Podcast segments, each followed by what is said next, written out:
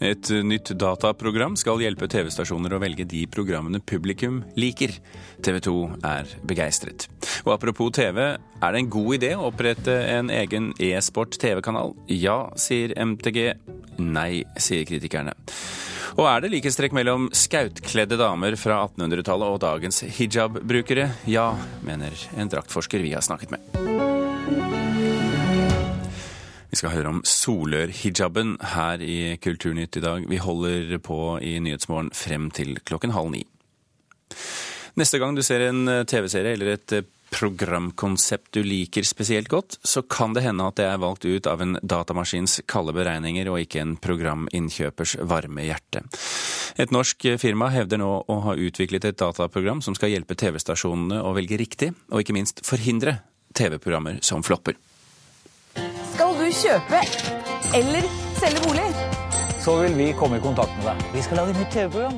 Programmet Bolig til salgs med Sturla Berg Johansen og Gunhild Dahlberg ble en solid flopp for TV 2. Altfor få ville se det, så det ble tatt av lufta etter bare tre programmer. En klassisk feilsatsing som kostet TV-kanalen millioner av kroner. Men hva om et dataprogram kunne forutsett dette? Et program som forhindrer TV-flopper? Eh, det er ikke så lett å vite hva folk liker, da. Tror du f.eks. en datamaskin kunne finne ut om eh, du kom til å like en serie før den var vist? Nei, altså, ikke egentlig. Jeg tror at de eneste som kan fortelle hva som kan bli bra og dårlig på TV, er mennesker liksom, som ser på det. TV-seerne er altså i tvil, men folkene i det norske firmaet ID Management er sikre i sin sak. Dataprogrammet de har laget kan forutsi hvor populært et TV-program vil bli, og ikke bare det. Programmet har oppskriften på hvordan man kan lage nye programmer som publikum vil like. Hei. Petter Sommer. Espen Sandtvedt. Hei, hyggelig. Både oppe i NRK og i TV 2 og rundt omkring så sitter jo smarte, flinke folk. De bestemmer da hvilke temaer skal vi velge i det programmet, hvilke programleder skal vi ha osv. Men der så vil en datamaskin være mye mer avansert. Den ser så mange, mange variabler på likt at den klarer å treffe et bra program mye, mye bedre enn det et menneske kan. Det sier Espen Søntvedt, som er daglig leder i ID Management. Han drar fram datamaskinen og starter programmet. Opp på skjermen kommer oversikten for Petter uteligger på TV 2. Skjermen fylles av mange grønne bokser og noen få røde. Og Det grønne er det som bidrar positivt til seingen. Det røde er jo da det som svekker TV-seingen. Kort fortalt har ID Management fòret datamaskinen med en enorm mengde informasjon fra de tre siste årene. Hva slags programmer som har vært sendt, hvor mange som så dem, hvor mange penger man har brukt til reklame på dem, anmeldelser i avisene, kommentarer fra publikum i sosiale medier, men også sånne ting som hva slags vær det har vært, hvilke gjester som var i programmet, hvilke programledere, om det var helligdager, osv., osv. Til slutt så ender man altså med en enkel oversikt, grønne og røde bokser, som viser hvorfor folk likte eller ikke likte programmet. Og når man vet hva som gir suksess, kan man lage nye programmer som blir enda mer populære. Du kan se etter spesielle programledere.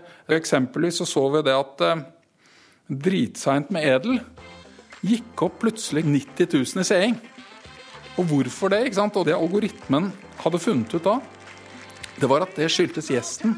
Marit fra Farmen var den perfekte gjesten til Dritseint med Edel. Jeg må nesten spørre deg. Var det voldsom rift på vellagra trønderdåse der oppe på gården? Og i så fall, hvem vant denne riftinga? Folk hadde fått med seg at det var Oi, det er Marit fra Farmen. Så begynner de å skrive om det på sosiale medier. Og da begynner den formelen å reagere. Og det begynner å blinke, og du ser liksom at Oi, her skjer det ting som drar seerne i veldig positiv retning. Og dette skal alle norske TV-kanaler få seg? Dette kommer alle norske TV-kanaler til å skaffe seg i løpet av kommende fem år. Det er helt garantert. ID Management har allerede solgt programmet til store kunder som TV 2 og Kanal Digital. Nå prøver de å få NRK på kroken. Analysesjef Christian Tollonen sier teknologien er spennende, men at det også har sine svakheter. Jeg tror jeg fortsatt stoler litt på programskaperne og ideene deres. F.eks. så kunne vi jo ikke forutse at Skam skulle bli det det skulle bli. og Det er jo et program som har oppimot 400 000 seere og 80% av det på nett. så Jeg vet ikke helt hvordan det hadde passet inn i disse modellene. Noen må iallfall tenke tanken om å gjøre noe som er annerledes enn det som finnes i dag. Jeg tror ikke at faren for at man tenker safe er så veldig stor. Hvis du skal ha det fra 50 til 100% så må du ha en programskaper. En algoritme kan ikke ta deg hele veien. Ja, Det sa Espen Sundtvedt, som er daglig leder i ID Management. Reporter her, det var Petter Sommer. Trond Håndlykken Kvernstrøm, kanaldirektør i TV 2, velkommen til Kulturnytt. God dag. Er dere i TV 2 fornøyd med programmet fra ID Management? Ja, det har vært uh, inspirerende og morsomt, det. På hvilken måte? Nei, altså uh, Jeg hørte jo på reportasjen foran, og det Altså, her eh, vil man jo se det på forskjellige måter, men først og fremst for oss er jo ikke dette noe sånn veldig revolusjonerende. Det er jo bare det at man eh, behandler eh, mer data og har tilgang til mer data enn man hadde tidligere. og Det er jo ikke noe nytt det i TV-sammenheng. Både NRK og TV 2 bruker jo seertall og har brukt seertall i flere år til å gjøre analyse på TV-program, og så er jo dette på en måte ett steg videre. Våre kilder sier at du er svært begeistret for dette programmet. Hva er det du liker ved det? Altså, eh, Begeistra og begeistra. Jeg syns det har vært inspirerende og morsomt. Eh, og det er jo bare det at det Men du holder foredrag om det, så, så, det er vel ikke helt ut av lufta, det påstanden at du er begeistret? Eh, jeg syns det har vært inspirerende og morsomt. Og det er som jeg sier, det er jo bare det at det gir oss litt mer innsikt. Hva har du brukt programmet til så langt, Kvernstrøm? Nei, Foreløpig så bruker vi jo det daglig til å, å gå gjennom de programmene som har vært, i form av at det gir oss innsikt i hva folk snakker om uh, i de programmene som uh, har vært på lufta. I den grad at det gir oss innsikt på hva det snakkes om uh, på sosiale medier. Så det er, en, en, det er ikke slik at man nå forlater magefølelsen lenger? Nei, det, det, altså det, kommer nok aldri til å skje. Men på, på, på, en annen måte, kanskje, ser du for deg at dette skal hjelpe TV 2 å få flere seere? Ja, På lik linje som eh, analyse på rating har gjort det tidligere, så er jo dette på en måte litt mer informasjon enn det vi har hatt tidligere. Så forhåpentligvis så kan det gjøre det. Men, men vi har jo eksempler både i NRK og TV 2 eh, på program vi har stor forventning til, og så går det ikke så bra som vi tror. Eh, har, har dette programmet hjulpet dere i så måte med å se og forutse flopper, f.eks.? Nei, det er altfor tidlig å si. Sant? Dette veldig, har jo vært et veldig sånn det var, Dette var en jobb som var igangsatt før jeg begynte TV 2, og det er jo fortsatt veldig et ungt prosjekt. Så jeg er jo ikke sånn helt up to speed i å bruke det. og Nå jobber vi jo med internt i TV 2 på å videreutvikle det på vår måte. Men uh, det er altfor tidlig å si det. Men, men hvis alle TV-kanaler skaffer seg dette programmet, slik Søntvedt i hvert fall håpet vi hørte han her, står vi da i fare for at TV-tilbudet blir enda likere enn det allerede er? Nei, det tror jeg ikke det er noe fare for. Det er som jeg sier innledningsvis, jeg tror det er viktig ikke å gjøre noe mer ut av det enn det er. I utgangspunktet så gir dette bare mer innsikt, og det tror jeg er helt naturlig. Når man har tilgang til mer innsikt, så ønsker man seg jo mer innsikt eh, sånn at man kan støtte opp under eh, magefølelse med, med fakta. da. Trond Håndlykken Kvernstrøm fra TV 2, takk for at du var med oss i Kulturnytt. Vi skal ikke helt slippe taket på TV her ennå. It's going to be John once again. He's 15 and 4, still on this spree. Oh, he still has a Cerberus. He's got a heat wave as well. Now he'll like to call the Cerberus. There's another gunfight win. Almost baited a player for the crank to drop on him. Oh, ja, eller er det egentlig TV vi snakker om her? Um, E-sport, eller dataspillkonkurrering om du vil, det har vokst eh, voldsomt de siste årene og blitt veldig populært. De største turneringene følges av flere millioner mennesker verden over. Og nå blir e-sport også å finne på norske TV-skjermer. 24 timer i døgnet. Stian Kleppo, sportssjef i MTB, eh, MTG, velkommen til eh, Kulturnytt. Tusen takk. Hvorfor vil dere ha en 24 timers e-sportkanal?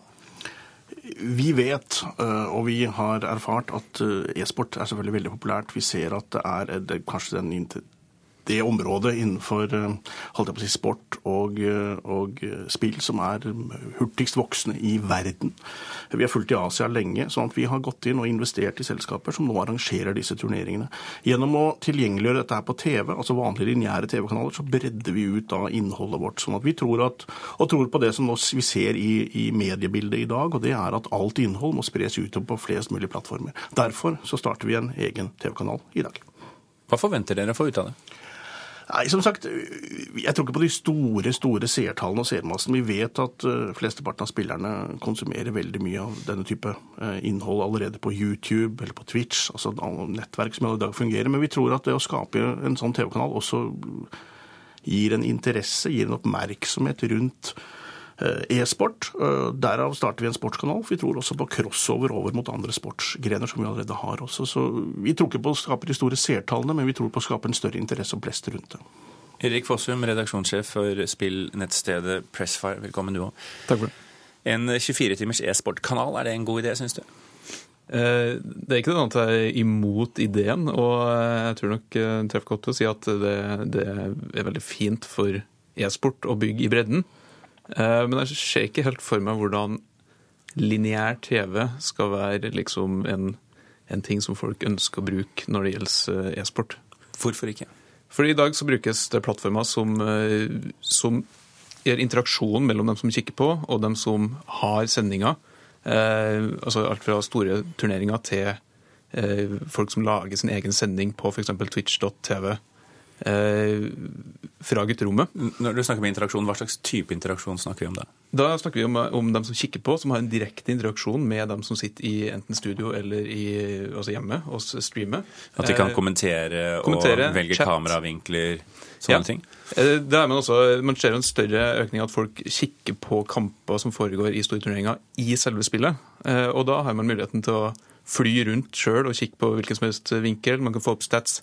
Det er en- større interaksjon der enn det man får fra lineær TV. Og spesielt når da innholdet lages egentlig for de plattformene som eh, man bruker i dag. eh, Da skal legges rett ut på lineær TV. Jeg ser ikke helt eh, oppsida i det.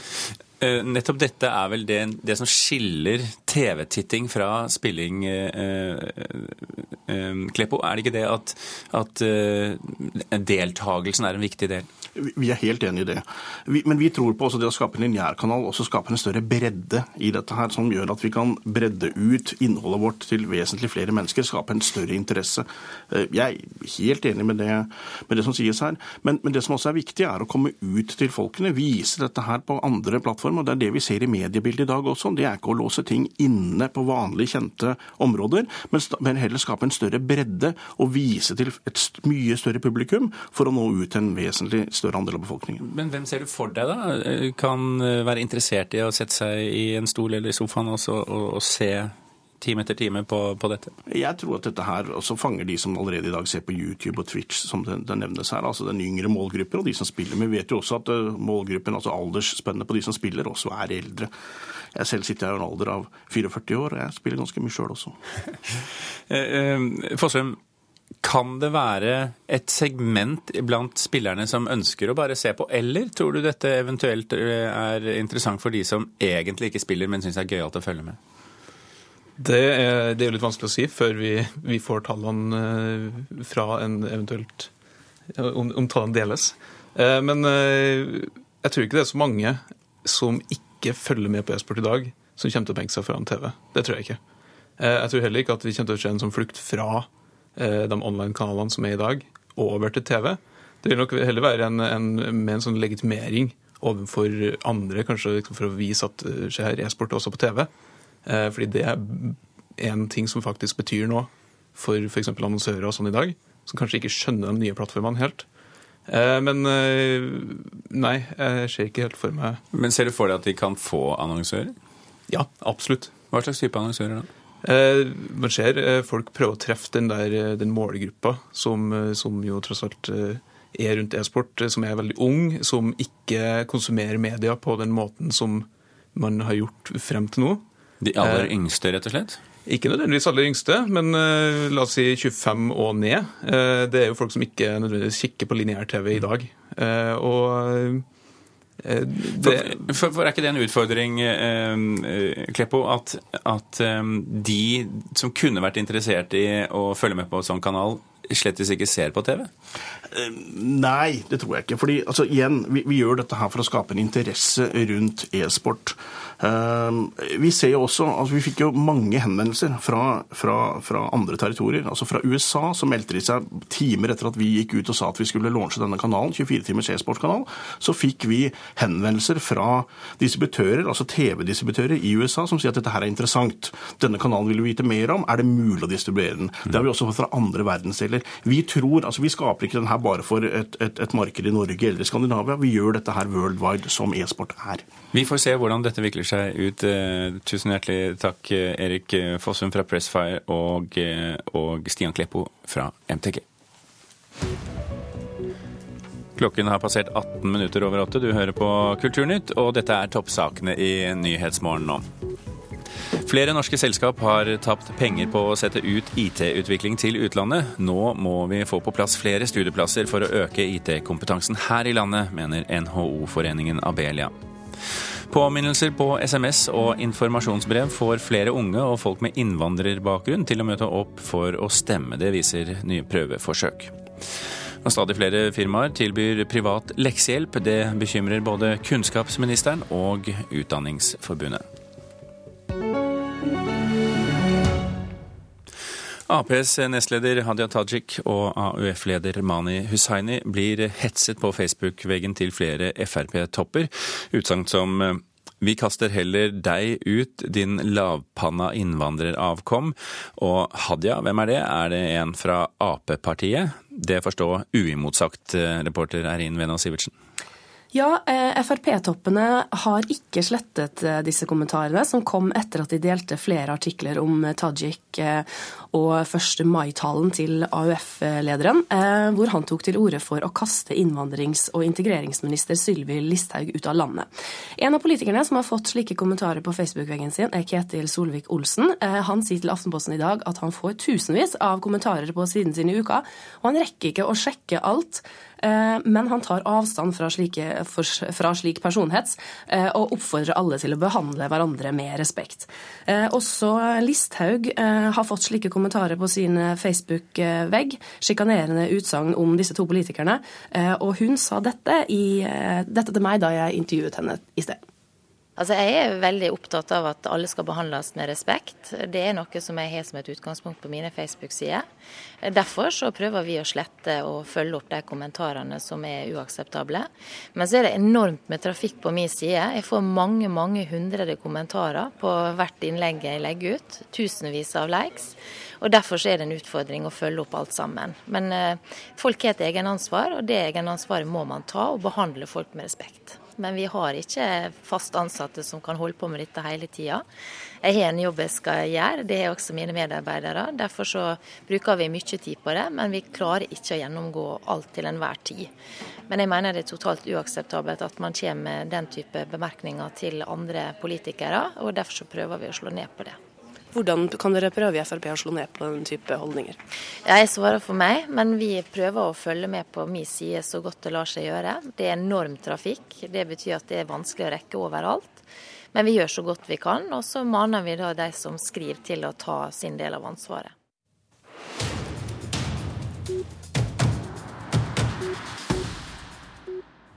For vi skal spørre om er det likhetstrekk mellom skautkledde kjerringer fra Solør på 1800-tallet og dagens hijab-brukere? Ja, mener draktforsker Bjørn Sverre Hoel Haugen. I utstillingen Solør-hijab, som åpner denne uken ved Kongsvinger museum, vil han prøve å vise nettopp det, men koblingen provoserer. Da skal jeg bare finne meg noen hvite hansker. Draktforsker Bjørn Sverre Hoel Haugen viser fram et svart-hvitt fotografi fra 1800-tallet. Mor Bjørneby hun sitter her. Ei myndig dame med et høyt og stramt skaut på huet. Dette er Solørs svar på hijab, mener han. Det er noen koblinger mellom, eh, mellom hueplaggbruken og religion, både i det historiske norske materialet og for hijab-kvinner i dag. Men utstillingen Solør hijab provoserer. Det er allerede en debatt på Facebook. Hijab og høglue kan ikke sammenlignes. Hijab er et religiøst plagg. Høglua var et høytidsplagg. Skriver en i et innlegg på Facebook. Men nei, svarer Holhaugen. De tok på seg lua det første de gjorde da de sto opp om morgenen. Det er jo en lang, kontinuerlig bruk av hueplagg, og dem kan vi egentlig føre bakover eh, så langt vi veit. Og forskning på feltet viser at religion var en faktor. Ja, jeg er opptatt av å vise at det er ei helt klar kobling mellom norsk hueplaggbruk og Bibelens ord. Religion er òg viktig for mange hijab-brukere. Jeg velger å gå med hijab pga. religionen min. En, eh, hvis du er muslim, jenter må ha på seg hijab. Sier Mustalifa Hussein og Muxina Salad fra Elverum, og forskning viser at flere svarer som dem. Hva er koblingen mellom høglua og hijab? Stiller en annen spørsmålstegn ved på Facebook. Det var jo den første fascinasjonen at det var så store likhetstrekk mellom eh, de historiske lokale hueplagga og en variant av hijab i dag. I monteret på utstillingen ser du hvordan både skaut og hijab tas på, steg for steg, og der materialvalg er det som skiller. Men òg kulturelt ser han noen koblinger. For det er ingen tvil om at disse kvinnene som eh, gikk med lue og skaut i Solør på 1800-tallet, var høyt akte og ære i lokalsamfunnet. Og Det er jo nettopp dette med å bli gjenkjent som anstendige mange av dagens hijab-brukere legger stor vekt på. I hvert fall i muslimske land da, så har du på en måte mer respekt eh, dersom du bærer sjal. Men er det et valg du føler at du har tatt sjøl? Ja, ja. Ja, Det er mitt valg, egentlig. Og jeg er glad i at jeg har med hijab og alt sånt. Jeg føler meg komfortabel i sjalet mitt. En annen fellesnevner Hol Haugen peker på, er at de unge gjør opprør mot hueplagget. Noen kan nok gjøre opprør ved å ikke kle seg i hijab, eh, mens andre forteller at de òg begynner med hijab mot foreldrenes vilje. I Stange skjedde det kollektivt blant unge jenter på et ball. Et ball på Sakslund i 1840, og der tok de av seg luene og friserte håret sitt etter siste mote, og entret ballokalet og vakte atskillig kritikk blant de eldre som var på ballet. For Mustalifa og Muxina var det overraskende å høre om de norske damene som valgte å bære hueplagg. Ja, det var veldig overraskende. Jeg visste ikke det. Egentlig litt rart å tenke på. Samtidig veldig gøy å høre om. Jeg er i hvert fall opptatt av å få fram så mange nyanser som mulig, både i det historiske materialet og i dagens hijab-debatt. Det sa draktforsker Bjørn Sverre Holhaugen. Reporter her, det var Torunn Myhre. I kveld blir informasjon om 200 000 selskaper i ulike skatteparadiser søkbare for alle som har lyst til å snuse. Det er snakk om selskaper som er opprettet av den omstridte advokatfirmaet Mossack Fonseca, advokatkontoret der de såkalte Panama-dokumentene stammer fra. Aftenposten er en av avisene som har vært med på den verdensomspennende avsløringen av intrikate selskapsstrukturer i land med lite innsyn i bank og finans, og derfor har vi med oss Håkon Borud nyhetsdirektør i Aften, unnskyld, nyhetsredaktør i Aftenposten. Velkommen, Boru. Tusen takk. Hva slags dokumenter er det vi nå får tilgang til? Nå får vi, som du sa, tilgang til navn på 200 000 postpostselskaper som finnes i Panama Papers. Og de, de, eierne og aksjonærene som ikke er skjulte, men er åpne i papirene. Det, jeg vil bare si det som er viktig her er at det er ikke en offentliggjøring av alle de 11,5 millioner dokumentene som finnes totalt i Panama Papers. Hvorfor disse 200 000 da? Nei, Det er de selskapene som er der, men det som ikke blir offentliggjort, er jo av etiske årsaker. er jo bankkontoer, e-poster, kopier av pass, telefonnummer osv. Så, og så, videre. så det er en, en, si, en overflatisk offentliggjøring, og det ligger det etiske vurderinger bak. Så hvorfor offentliggjøre i det hele tatt? Jo, Det gjøres jo av denne internasjonale gruppen som Aftenposten er en del av, fordi vi mener at navnene på selskapene og navnene på disse personene er viktig informasjon for offentligheten for å skape en debatt om, om skatteparadisene og hvordan de, disse finansielle systemene fungerer. På hvilken måte er, er folks innsyn en viktig del av debatten, Boru? Nei, vi tror at eh, altså Vår grunnleggende holdning er jo at innsyn og åpenhet alltid er viktig for den offentlige debatten. og Vi håper at eh, det, denne type innsyn og denne type kunnskap kan øke, øke diskusjonen og øke debatten og øke kunnskapsnivået eh, i, i, offentlig politisk debatt og, og annen type diskusjoner. Hva tror du folk, altså allmennheten, hva tror du vi er mest interessert i? Nei, det vet ikke jeg. Jeg håper man er eh, mest interessert i eh, å, å se på og lære hvordan et eh, skatteparadisselskap fungerer, og hvordan selskapene som setter opp selskaper i skatteparadis fungerer. Og så håper jeg vi får en ordentlig debatt om, om internasjonal og global skattepolitikk. Man må jo gå inn og så må man krysse av for at de er klar over at man ikke nødvendigvis har gjort noe galt dersom man står i disse dokumentene. Hva, hva legger dere i det? Nei, altså det er som eh, Obama har sagt, at eh, mye av dette er jo lovlig. Eh, men det er nettopp det som er problemet. Det er ikke det at mange av disse personene bryter loven, men det er dette at lovene er så dårlige at man kan faktisk operere på denne måten uten å bryte lover. Det er jo også noe man kan diskutere etter hvert. Håkon Borud, tusen hjertelig takk for at du var med oss, nyhetsredaktør i Aftenposten. Stine Traalt og Birger Kålsrud Røsund pakker sammen Kulturnytt og forlater. Hør flere podkaster på nrk.no podkast.